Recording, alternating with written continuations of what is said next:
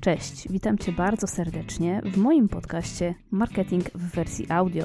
Dzisiaj mam dla Ciebie część pierwszą wielkiego poradnika marketingu szeptanego. Link do tekstu znajdziesz w opisie tego podcastu.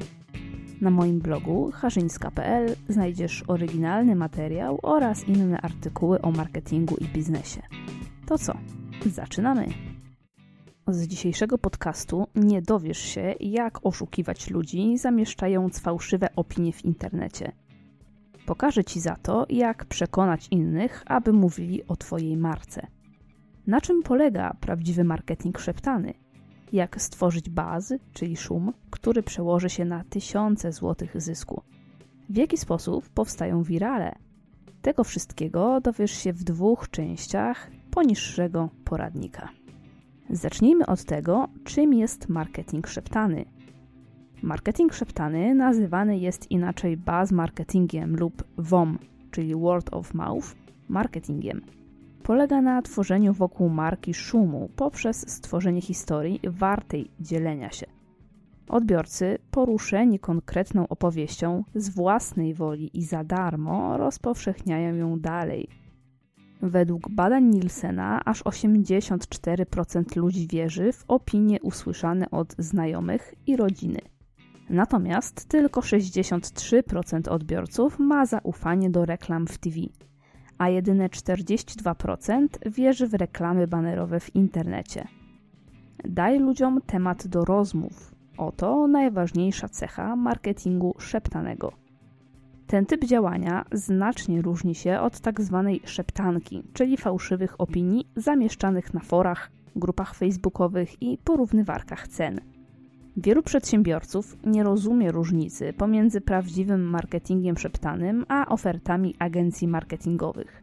Jakie są więc cechy baz marketingu? Baz może być generowany przypadkowo, niejako przy okazji – dobrze przeprowadzonej i zaplanowanej kampanii marketingowej albo celowo. Konkretny film, artykuł, piosenka itd., tak która wywołuje szum, może być nazywana również wiralem. Narzędzia do propagowania przekazu, takie jak e-mail, fanpage na Facebooku, reklama telewizyjna czy radiowa, to tylko przekaźniki. Pieniądze w marketingu szeptanym powinny być wydawane tylko i wyłącznie w jednym celu uzyskania jak największego rozgłosu. Bardzo ważnym czynnikiem, który umożliwia powstanie szumu, jest właściwa treść przekazu. Musi być on związany z marką. W innym przypadku albo nie zaistnieje baz, albo odbiorcy zapamiętają reklamę, ale już nie kto ją stworzył. Negatywny szum nie jest pożądanym zjawiskiem, jeżeli niezadowoleni z przekazu są bezpośredni klienci marki. Nie warto natomiast przejmować się oburzeniem odbiorców, którzy nigdy nie byli i nie będą naszym targetem. Buzz marketing nie wymaga dużych budżetów reklamowych. Zaskakującą, oburzającą, ciekawą czy zabawną historię można stworzyć bez sporych nakładów finansowych. Marketing szeptany nie jest receptą na jedną udaną kampanię reklamową. Aby zadziałał prawidłowo, musisz wdrożyć go na stałe do filozofii swojej marki.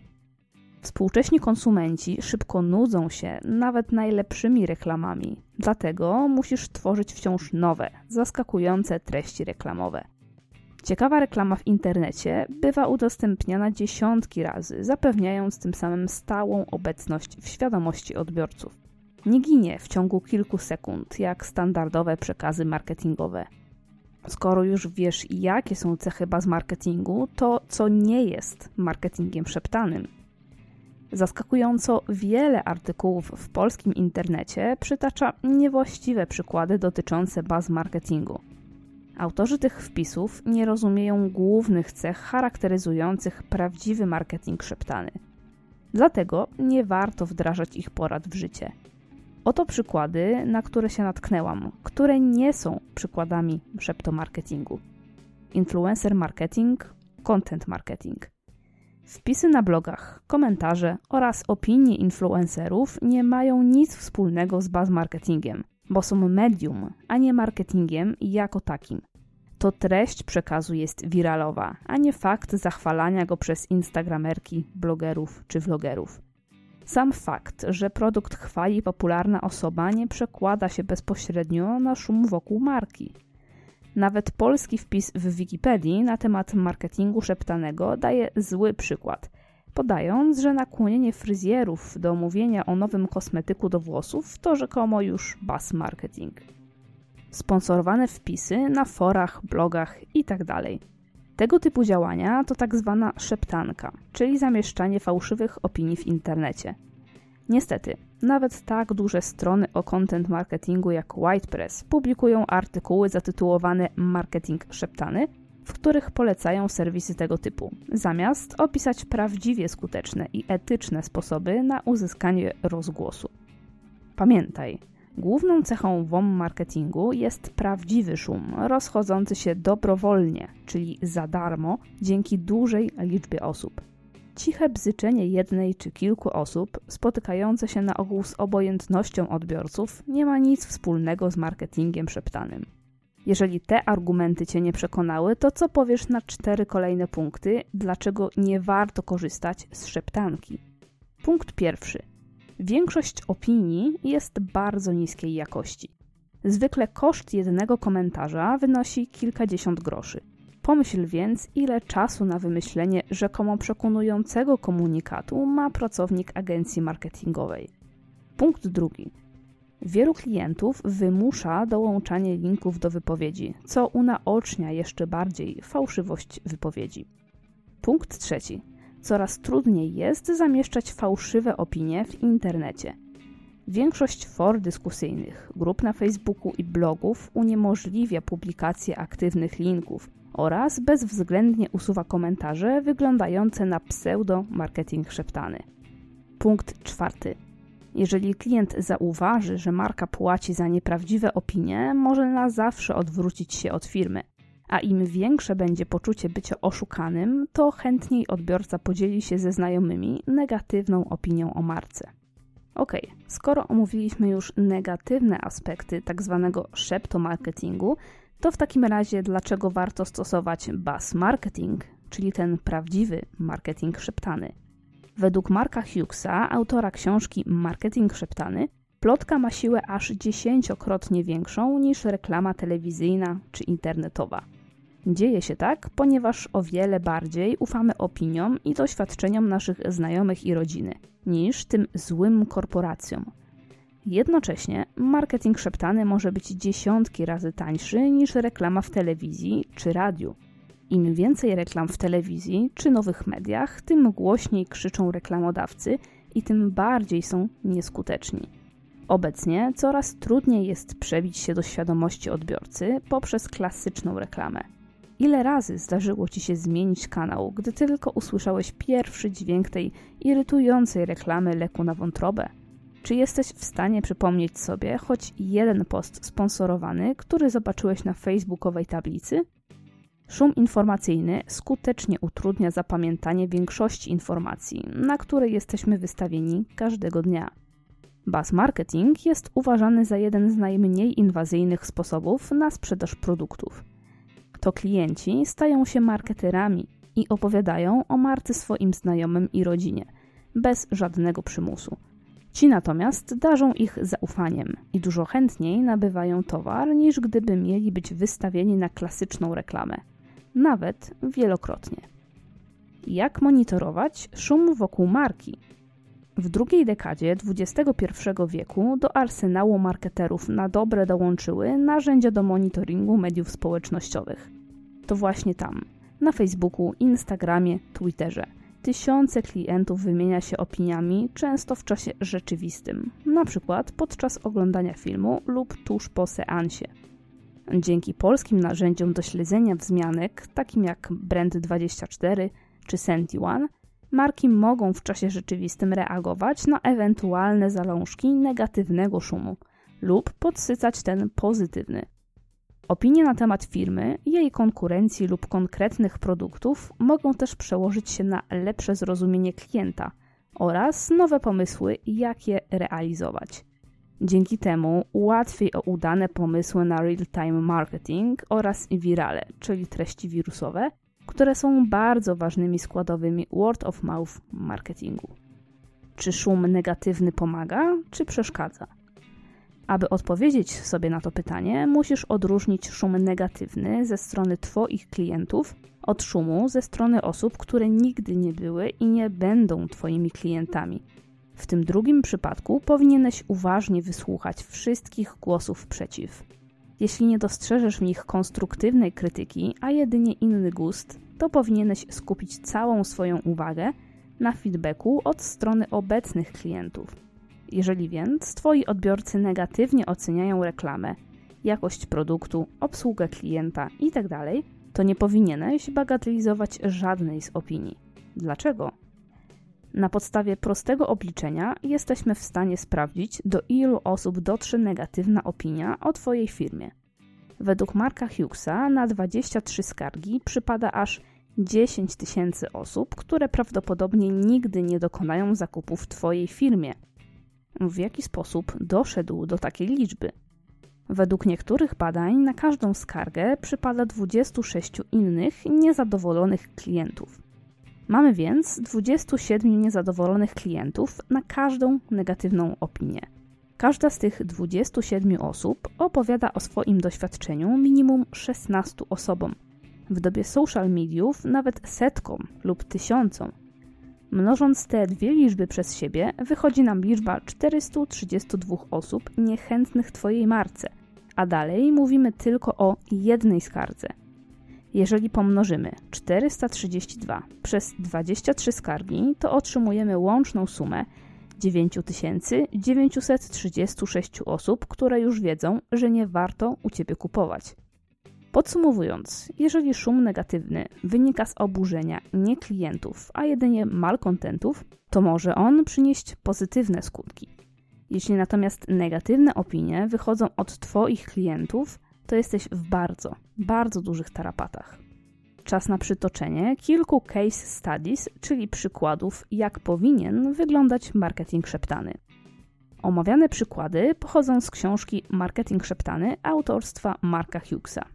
Przykład pierwszy. half.com. Zmiana nazwy miasta na nazwę firmy. Mark Hughes wiele lat temu został wiceprezesem do spraw marketingu w portalu half.com. Był to raczkujący startup, który nie posiadał ogromnych pieniędzy na marketing. Hughes wpadł więc na pomysł, w jaki sposób wywołać spore oburzenie wielu Amerykanów. Do tego celu wybrał małe miasteczko Halfway i przekonał jego burmistrza do zmiany nazwy miejscowości na half.com na okres jednego roku. Wytłumaczył, jakie korzyści może im przynieść ten pomysł – napływ gotówki, utworzenie strony internetowej miasteczka z ofertami lokalnych firm oraz telepraca mieszkańców w biurze obsługi klienta firmy. Nie krył przed mieszkańcami i władzami miasta, jaki jest jego główny cel, czyli promocja half.com. Historia o zmianie nazwy miasteczka bardzo szybko została podchwycona przez prasę i telewizję. O half.com mówiło się w krajowych serwisach informacyjnych oraz w programach telewizyjnych, takich jak Good Morning America. Sprawą zainteresowały się nawet poważne agencje prasowe Associated Press i Reuters. Pół roku po starcie half.com przejął eBay za 300 milionów dolarów. Reklama nie kosztowała Hughesa ani grosza. Aby podtrzymać szum wokół marki, przez kolejne lata wymyślał i wdrażał nowe pomysły – takie jak na przykład gumowe sitka do publicznych pisuarów z nadrukowanym sloganem. Cytuję: Nie mocz pieniędzy, wydałaj mniej na half.com. Koniec cytatu. Przykład drugi. Apple. Reklama nowego Macintosha w 1984 roku. W styczniu 1984 roku, podczas przerwy finału amerykańskiej ligi futbolu amerykańskiego, czyli Super Bowl, Apple wyemitował reklamę telewizyjną, która odmieniła los zarówno firmy, jak i całej branży marketingowej. Trwający aż 60 sekund spot nawiązywał do popularnej książki George'a Orwella, rok 1984. W spocie widzimy tak zwany seans nienawiści, znany z powieści oraz młodą kobietę biegnącą z młotem w kierunku ekranu projektora. W pewnym momencie wykonuje zamach i niszczy ekran, uwalniając zahipnotyzowanych ludzi z okowów Wielkiego Brata. Film kończy się informacją o niedługiej premierze nowego komputera Macintosh oraz zapowiedzi, że rok 1984 nie będzie taki jak w książce Orwella. Apple według reklamy jest synonimem wolności i niezależności, a jej główny konkurent, IBM, miał być inwigilującym tyranem. Kolejnym ważnym motywem reklamy była mityczna walka Dawida, Apple, z Goliatem, IBM. Apple przeznaczył na wyprodukowanie spotu aż milion dolarów, co w ówczesnych czasach było ogromną kwotą. Odpowiednia scenografia i oświetlenie umożliwiły marce wywołanie efektu niepokoju i tajemnicy. Tuż po wyemitowaniu spotu do Apple oraz stacji telewizyjnej wpłynęło mnóstwo próśb o ponowne wyemitowanie reklamy. Odbiorcy chcieli wiedzieć, o co w niej chodzi. Duży rozmach filmu i wywołanie silnych emocji to nie jedyny ruch, który poskutkował ogromnym szumem wokół marki. Przypadkowo cały przekaz wzmocniła informacja, że Apple już nigdy nie wyświetli tej reklamy. Decyzja ta wynikała jednak nie ze świetnego zmysłu marketingowego, bo element niedostępności potęguje szum, ale braku środków na opłacenie czasu antenowego. Firmę wyręczyły w tym media, które za darmo wielokrotnie emitowały reklamy Apple, wiedząc, że w inny sposób nie są w stanie jej pokazać telewidzom. Przykład trzeci i ostatni. Miller Light. Jak sprawić, by faceci pokochali piwo niskokaloryczne? Wszystko zaczęło się od przejęcia pewnego browaru przez wielki koncern Philip Morris. Jego zarządcy postanowili powalczyć na coraz większym rynku piw niskokalorycznych, mimo że dysponowali małą i nieznaną marką piwa Miller Light. Koncern musiał przede wszystkim rozwiązać jeden poważny problem – żaden prawdziwy piwosz nie spojrzałby świadomie w kierunku tego typu trunku. Aby przekonać potencjalnych klientów do Miller Lite, postanowiono dowiedzieć się, jaka tajemnica stoi za dużym sukcesem innego typu piwa w małym miasteczku Anderson w stanie Indiana. Okazało się, że tamtejsi mieszkańcy nie przejmowali się kalorycznością piwa, a to, co przekonało ich do niego, to fakt, że nie zatykało – Dzięki temu fani przebywania w barach mogli spędzić więcej czasu na pogawędkach, pijąc więcej bez nieprzyjemnego poczucia wzdęcia. Niestety, sam fakt, że piwo nie zatyka, nie usuwał wrażenia, że trunek jest niemęski. Miller Lite połączył więc te informacje z barową scenerią i do reklamy zaprosił szereg byłych sportowców. Teraz żaden piwosz nie mógł zarzucić niskokalorycznemu piwu, że nie nadaje się dla mężczyzn. W każdej reklamie Miller Lite odbiorca widział jedną lub wiele znanych twarzy, które rozmawiają swobodnie w barze o życiu i uczuciach. Tego typu sceneria oraz pokazanie, że popularni twardziele to zwykli, normalni ludzie, przełożyło się na ogromne zainteresowanie spotami. Koncern produkował nowy klip co kilka tygodni, dzięki czemu piwosze mogli ciągle dyskutować ze sobą o nowym filmie – Bar, jako miejsce nastawione na kontakty towarzyskie, bardzo sprzyjał roznoszeniu się szumu wokół Miller Lite.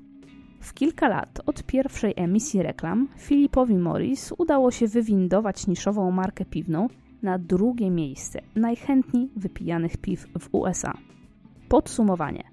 Marketing szeptany to bardzo subtelna forma promocji treści musi zostać odpowiednio zaplanowany i konsekwentnie realizowany przez cały cykl życia danego produktu. Musisz zaskakiwać, rozbawiać, zaciekawiać lub oburzać odbiorców raz za razem, aby szum wokół marki nie ucichł po jednym spocie reklamowym. W drugiej części poradnika poznasz konkretne przykłady i dowiesz się, jak stworzyć dobry buzz marketing. Sporą część tego poradnika oparłam na bardzo dobrej książce autorstwa Marka Hughesa. Niestety, nie jest już dostępna na polskim rynku, ale można ją nabyć na niektórych aukcjach na Allegro w stanie nowym lub używanym. Polecam. Dzięki wielkie za przesłuchanie kolejnego odcinka mojego podcastu. Sprawdź pozostałe odcinki tej serii i pamiętaj, aby obserwować mnie w dowolnej aplikacji do podcastów na przykład Spotify czy iTunes. Do zobaczenia w kolejnym podcaście. Cześć!